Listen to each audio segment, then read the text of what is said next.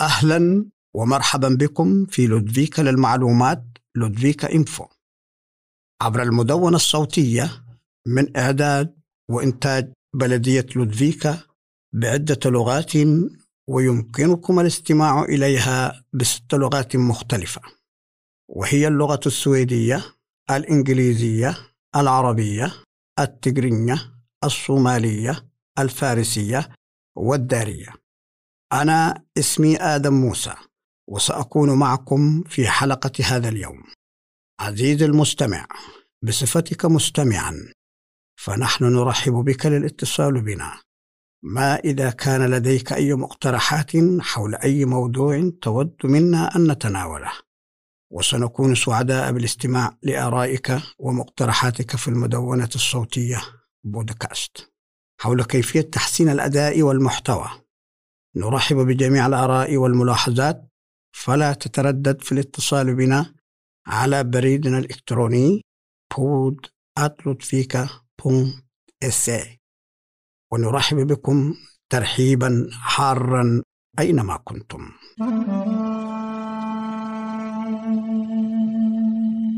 نود أن ننتهز هذه الفرصة للتنويه بأن بعض المعلومات التي ذكرت في نشراتنا السابقة عن كوفيد 19 قد استحدثت وعليه إننا نعمل باستمرار لأن تكون لديك أحدث المعلومات ولمزيد من المعلومات يمكنك الاتصال بالهاتف رقم صفر ثمانية واحد اثنان ثلاث ستة ثمانية صفر صفر صفر. لتلقي أحدث المعلومات حول كوفيد 19 وبلغتك الأم.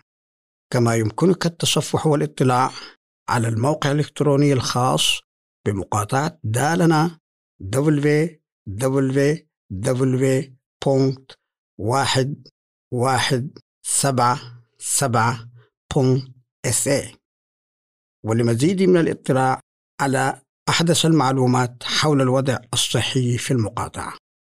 أخبار لودفيكا ومقاطعة دالنا في حلقة هذا الأسبوع سنتناول كالمعتاد أحدث الأخبار حول جائحة كورونا بالإضافة إلى استعراض توقعات عن تزايد مخاطر التهديدات الأمنية ضد السويد. ونتحدث أيضا عن ميزانية البلدية لهذا العام وعن قانون رعاية الشباب وعن ماهية بيانات الإقرار الضريبي كما سنتعرف على مهنة المهندس المدني. كل هذه الأخبار وأكثر في حلقة هذا الأسبوع من لودفيكا للمعلومات لودفيكا إنفو. ميزانية بلدية لودفيكا. لهذا العام 2021 جاهزة الآن. والميزانية هي خطة مالية لتغطية التكاليف كما إنها خطة في كيفية إنفاق الأموال. التي تأتي من ضرائب السكان ومن الإعانات المالية المقدمة من الدولة وغيرها من مصادر الدخل الأخرى التي تحصل عليها البلدية من خلال رسوم الخدمات التي تقدم للسكان مثل الحضانة وما إلى ذلك.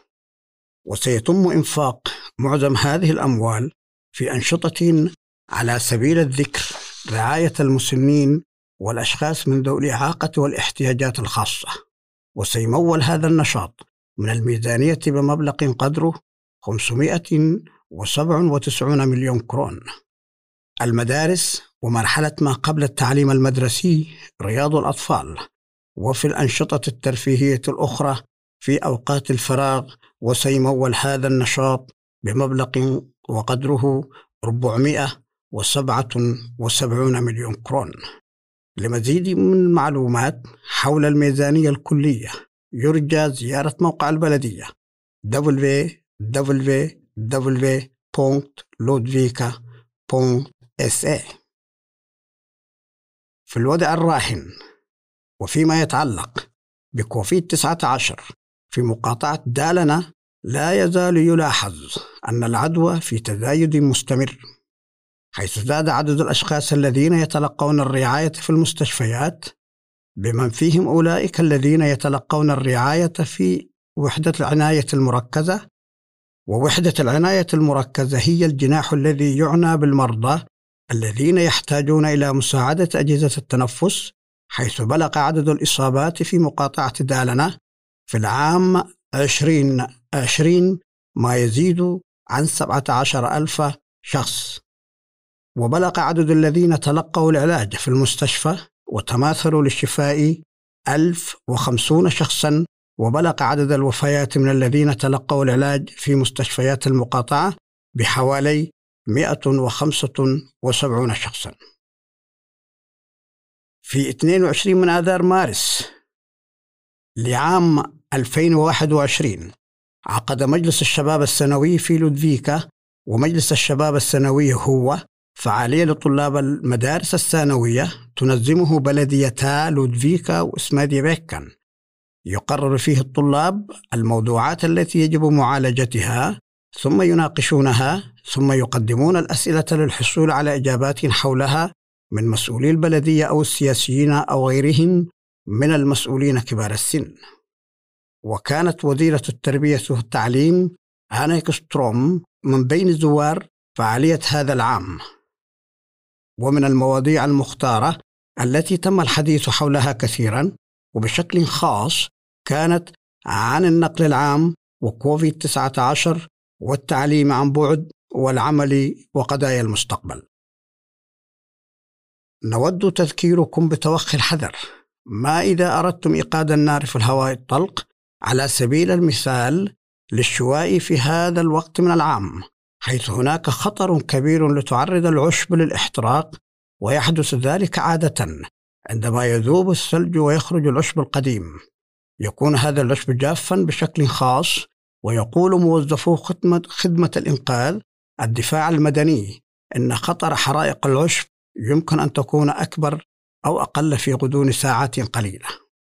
حيث يتغير بسرعة كبيرة بأن يكون العشب رطبا جدا في الصباح وبزوال الرطوبة بعد بضع ساعات يمكن أن يكون جافا جدا وهذا هو السبب في أن يكون شديد الخطورة.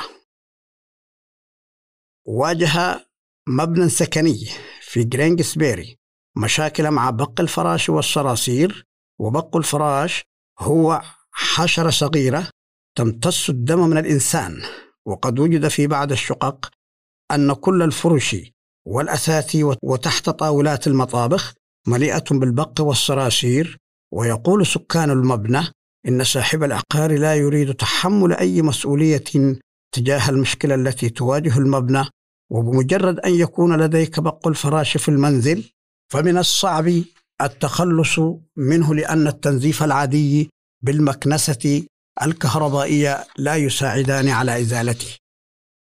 وإذا ما تعرض الإنسان للدغة البق فإنه يصاب بالتقرح والطفح الجلدي الذي يسبب الحكة ويمكن أن يؤدي إلى انتفاخ الجلد. وتقول البلدية إن مالك العقار قد وعد بعمل اللازم للتخلص من المشكلة وبالتالي يجب على البلدية الانتظار ومعرفة ما إذا كان هناك شيء قد تم القيام به حتى الآن. إن أولئك الذين يعيشون في تلك الشقق يأملون في الحصول على أموال مقابل الأساس الذي قد يتعين عليهم التخلص منه ويعتقدون أيضا أنه يجب عليهم دفع جار أقل. تتولى الخدمات الاجتماعية في بلدية لودفيك الآن رعاية طفل يبلغ من العمر عاما واحدا وهذا يعني أن الخدمات الاجتماعية قامت بفصل الطفل عن أسرته لمساعدة الطفل. وتعتقد إدارة الخدمات الاجتماعية أن الطفل ربما يكون قد رأى أو تعرض للعنف. ويتعاطى أحد الوالدين المخدرات بينما الوالد الآخر الذي يعيش معه الطفل لا يريد التعاون مع إدارة الخدمات الاجتماعية. عندما تتم رعاية الطفل من قبل الخدمات الاجتماعية فإن ذلك يسمى قانون رعاية الشباب. ويتم ذلك فقط إذا كان الطفل لا يكون بخير في منزله ولا تريد الأسرة في تلقي المساعدة من الخدمات الاجتماعية وبالتالي لم يعد للوالدين نفس الحق في رعاية الطفل.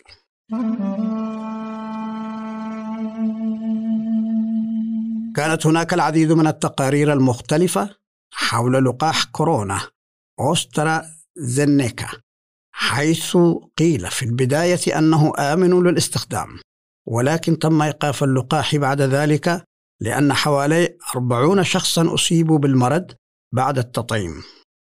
وبعد إجراء المزيد من الدراسات حول اللقاح خلص الباحثون إلى أنه لم يكن اللقاح هو الذي تسبب في إصابة الأشخاص بالمشاكل الصحية لذلك تم السماح باللقاح مرة أخرى. وقد تلقى اللقاح عدة ملايين في أوروبا.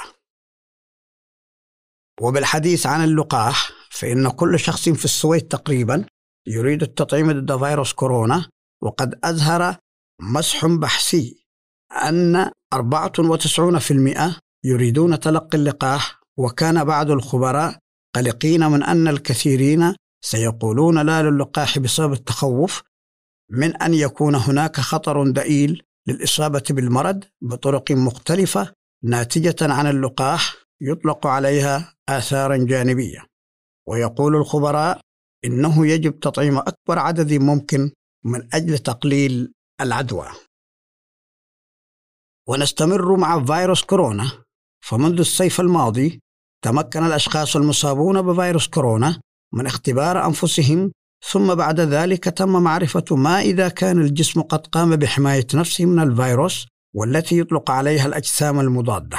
وكان يعتقد أن أولئك الذين تشكلت لديهم الأجسام المضادة لا يمكن أن يصابوا بالفيروس مرة أخرى.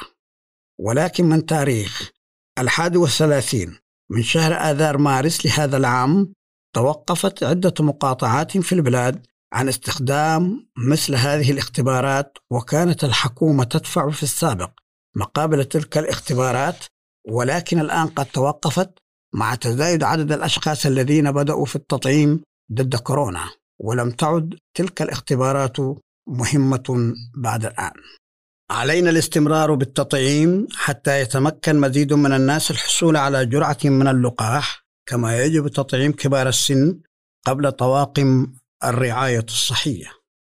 وتعمل وكالة الرعاية الصحية العامة السويدية على تغيير نظام أولويات التطعيم لأنها تعتقد إنه من المهم أن يتلقى المزيد من كبار السن الحماية ضد كوفيد 19 في أقرب وقت ممكن. والشيء الجديد الآن هو أن المزيد من الأشخاص سيتلقون جرعة واحدة من اللقاح قبل البدء في إعطاء الجرعة الثانية.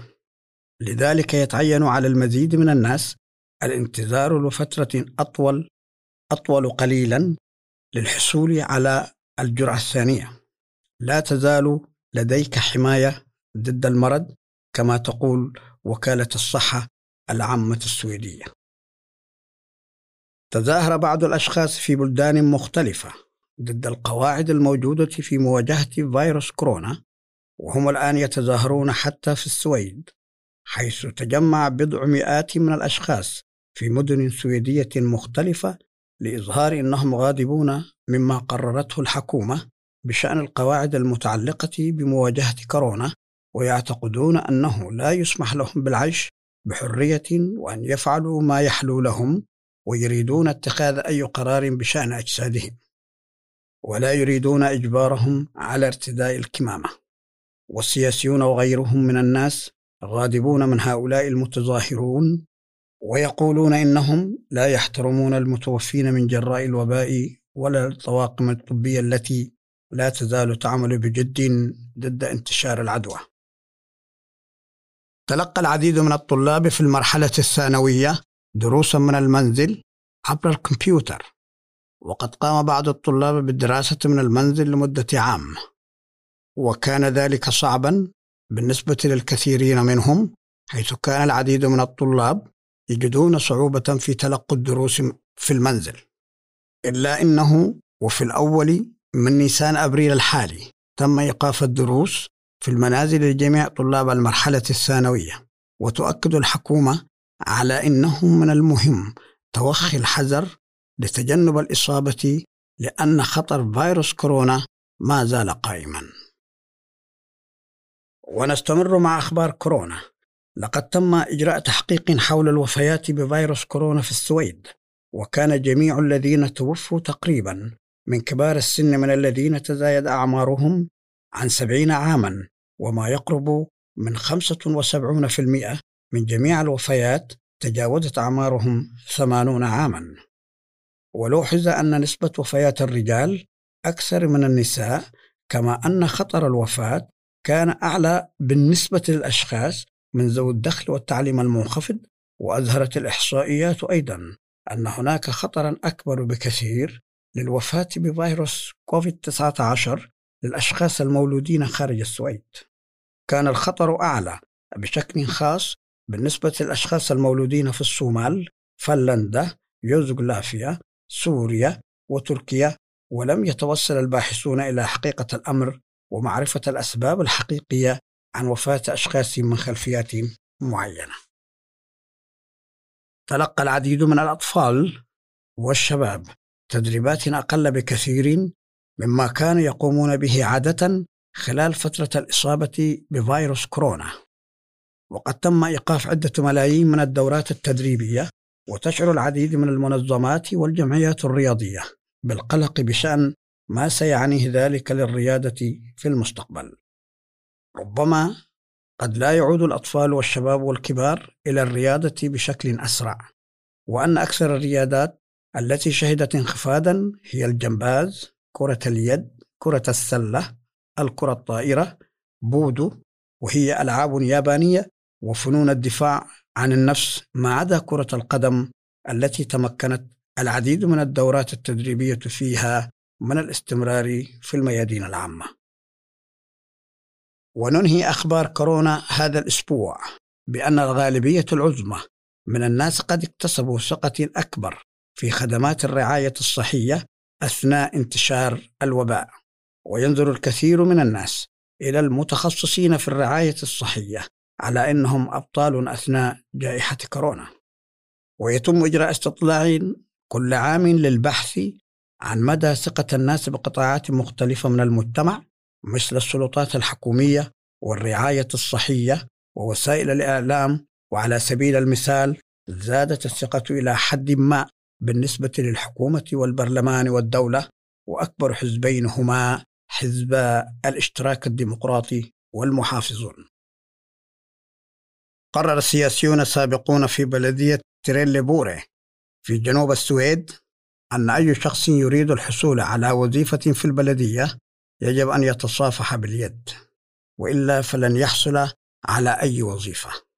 اشتكى الكثير من الناس من هذا القرار إلى المحكمة والتي قررت بدورها بأن لا ينبغي الإكراه على المصافحة لأن الإكراه يعني أن تفعل شيئا وليس لديك خيار سوى أن تقول لا.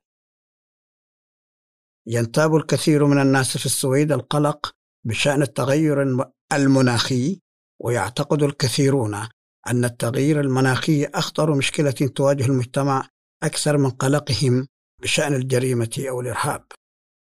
وقد بدأ الناس يغيرون طريقة حياتهم من أجل تحسين المناخ وأن ثلث السويديين قللوا من استخدام السيارات وبدلا من ذلك يمشون أو يقودون الدراجات الهوائية.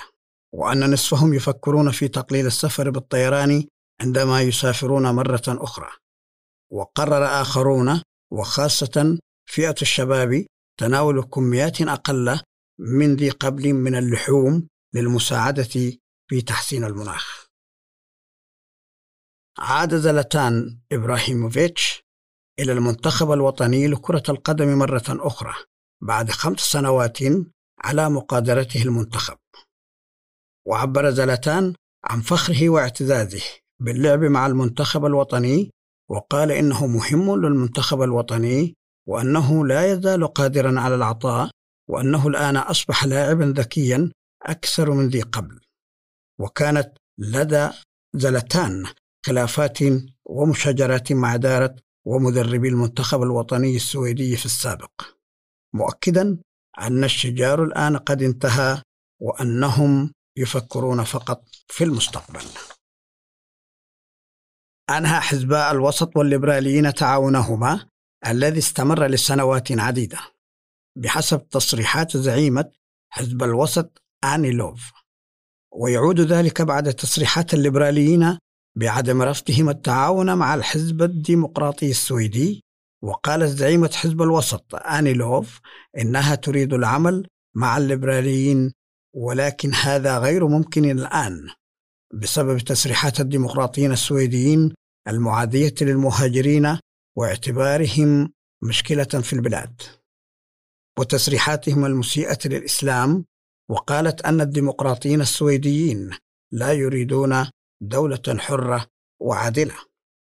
وتعتقد أنه لا يمكنها التعاون مع الديمقراطيين السويديين في بعض الأشياء فحسب بل الأمر يتعلق بكل مجالات السياسة. تتزايد التهديدات الأمنية ضد السويد بحسب تقرير الشرطة الأمنية السابق حيث أن التهديدات الأمنية ضد السويد تزايدت بعدة طرق وأن التهديد الأكبر يأتي الآن من روسيا والصين وإيران. كما أن التهديد من المتطرفين المتشددين آخذ في الازدياد خاصة من الإسلاميين والمتطرفين اليمينيين. وتقول الشرطة الأمنية أن هناك خطر بوقوع هجوم إرهابي في السويد وبحسب مقاييس الأجهزة الأمنية فإن التهديدات الإرهابية ضد السويد تتراوح ما بين واحد إلى خمس درجات والدرجة الخامسة هي الأعلى تحسبا بينما حجم الخطر الآن في السويد عند الدرجة الثالثة كما كان عليه الوضع منذ بضع سنوات. أصبح الكثير من الشباب عاطلون عن العمل الآن لعجز الشركات من الاستمرار وتحقيق الأرباح وتنظيم الوظائف بسبب جائحة كورونا. وبينما يدرس معظم الطلاب البرامج التي تؤهلهم لمواصلة الدراسة بعد المرحلة الثانوية ولكن الكثيرين منهم لا يواصلون الدراسة بعد المرحلة الثانوية على أي حال بل إنهم يبحثون عن وظيفة بدلا من ذلك. وتريد الحكومة أن يتمكن هؤلاء الطلاب من دراسة الدورات التي تؤهلهم لاكتساب مهنة وستكون البداية بدورات تدريبية خاصة بالأعمال التجارية حتى يتمكن الدارسين من التقدم على وظيفة بائع على سبيل المثال كخطوة أولى يقوم بها الشخص للانخراط في سوق العمل. فإن نجحت التجربة يمكن أن تستمر الدورات حول مهن أخرى غير التجارة لاحقا. في نوفمبر تشرين الثاني من عام 2020 اندلعت حرب في إقليم تجراي الأثيوبي بين الجيش الحكومي ومقاتلين من إقليم تجراي كما شارك في القتال جنود من دولة إريتريا المجاورة إلى جانب الجيش الحكومي. ولكن يغادر الآن الجنود الأريتريون إقليم تجراي بحسب تصريحات المسؤولين الأثيوبيين ويواجه شعب إقليم تجراي ظروفا قاسية مما أدى إلى فرار عدة آلاف منهم من جراء الحرب الدائرة هناك.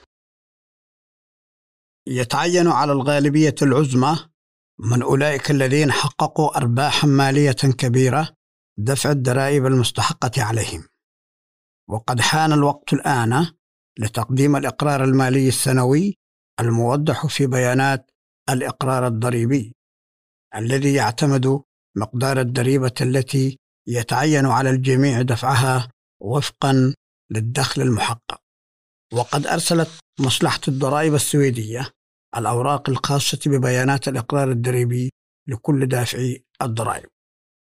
وينص البيان الضريبي على مقدار الدخل السنوي المحقق وإذا كانت الأرقام لا تتناسب مع الدخل السنوي فسيتم تغييرها بمجرد أن تكتب ما إذا كان هناك شيء ما يجعلك دفع ضريبة أقل. ربما أن يكون أحدهم قد اشترى شيئا ما ليتمكن من العمل. وعليه يجب تسجيل الإقرار الضريبي حتى الثالث من شهر أيار مايو القادم. كما يمكنك إكمال الإجراءات ورقيا أو عبر الإنترنت. كما أن الأشخاص الذين دفعوا الكثير من الضرائب سوف يستردون أموالهم وفق الإجراءات المتبعة وسيتم دفعها في موعد أقصاه شهر حزيران يونيو القادم. مهنة الأسبوع. سوف نتحدث اليوم قليلا عن مهنة المهندس المدني. والمهندس المدني هو مسؤول عن أقسام مختلفة متعلقة بالمباني والمنشآت مثل المنازل والطرق والجسور والسكك الحديدية والمنشآت الصناعية.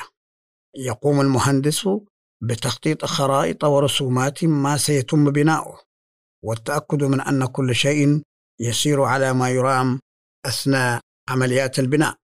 ويشرف أيضا في بعض الأحيان على عمليات الهدم ويسيطر المهندس غالبا على الميزانيات وتصاريح البناء اللازمة.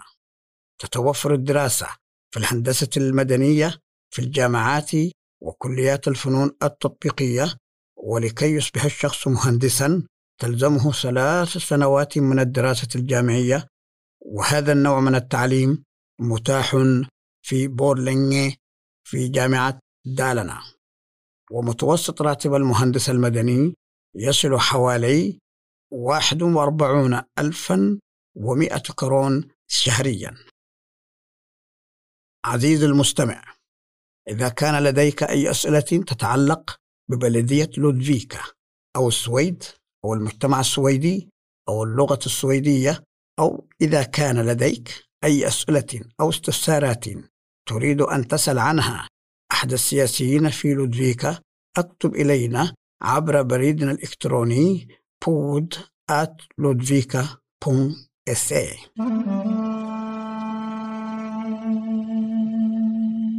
فقرة اللغة السويدية. الكلمة السويدية نيو المكونة من ثلاثة حروف وهي N J O يمكنك كتابتها وهي مركبة مزيج من كلمتين نعم ولا. وتستخدم ما إذا كنت لا تريد الإجابة بنعم أو لا. ويمكنك أيضا استخدام كلمة نيو لإظهار أنك غير متأكد من إجابتك. وهي كلمة شائعة جدا في اللغة السويدية. تاريخ لودفيكا. يوجد في جميع مدن وبلدات السويد تقريبا ما يعرف ببيت الشعب وقد تم تأسيسها لتلبية حاجات الناس إلى مكان يجتمعون فيه إن كانت لديهم اجتماعات مهمة أو مشاهدة عروض ثقافية وفعاليات مختلفة. تم بناء أول بيت للشعب. في السويد في وقت مبكر كان ذلك عام 1893 في لودفيكا. وكان البيت مبنيا من الخشب مقابل مبنى الشرطة وعلى مقربة من بيت الشعب الحالي وتم الانتهاء من بناء بيت الشعب القديم في عام 1905 نصيحة الأسبوع.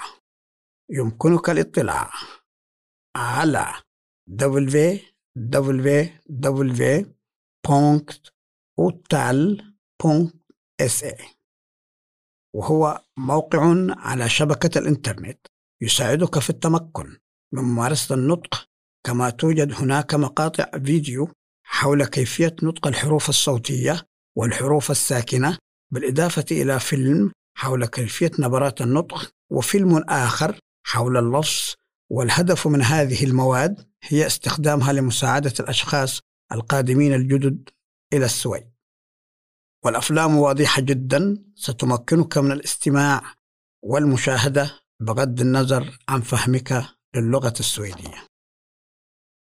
ونختم حلقة اليوم بأخبار مسابقة الموسيقى السنوية. Dalecarlia Music Awards والتي تمنح جوائز للموسيقيين في مقاطعة دالنا وقد فازت هذا العام الآنسة لي وهي من مدينة بورلينجي بثلاث جوائز بما في ذلك جائزة أفضل أغنية في المسابقة. ونستمع إلى أغنية الآنسة لي وهي بعنوان معقدة. وفي ختام حلقتنا لهذا الأسبوع أشكركم على حسن استماعكم إلى لودفيكا للمعلومات لودفيكا إنفو. ولا تنسوا الاتصال بنا إذا كان لديكم أي استفسار تريدون منا أن نخبركم به. أحييكم أنا آدم موسى وهذه تحيات مهندس الصوت الموهوب مات هانينان. وإلى لقاء جديد في الأسبوع القادم في أمان الله.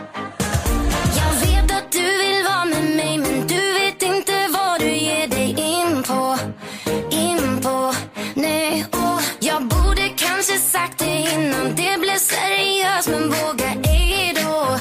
För då skulle du nog gå som alla före dig. De drog mig direkt så fort jag visade mig själv och det är, ingen hemlighet. Jag vet. De säger jag är galen och jag känner att du borde veta det. Och har gjort en lista så du vet. Äter vaken varje natt och två jag dricker jag kan vara helt besatt och fyra gå till arv från skratt på fem. Jag kompromissar knappt så sex spring hem dig snabbt kan lista mera för jag är komplicerad. Ah, ah.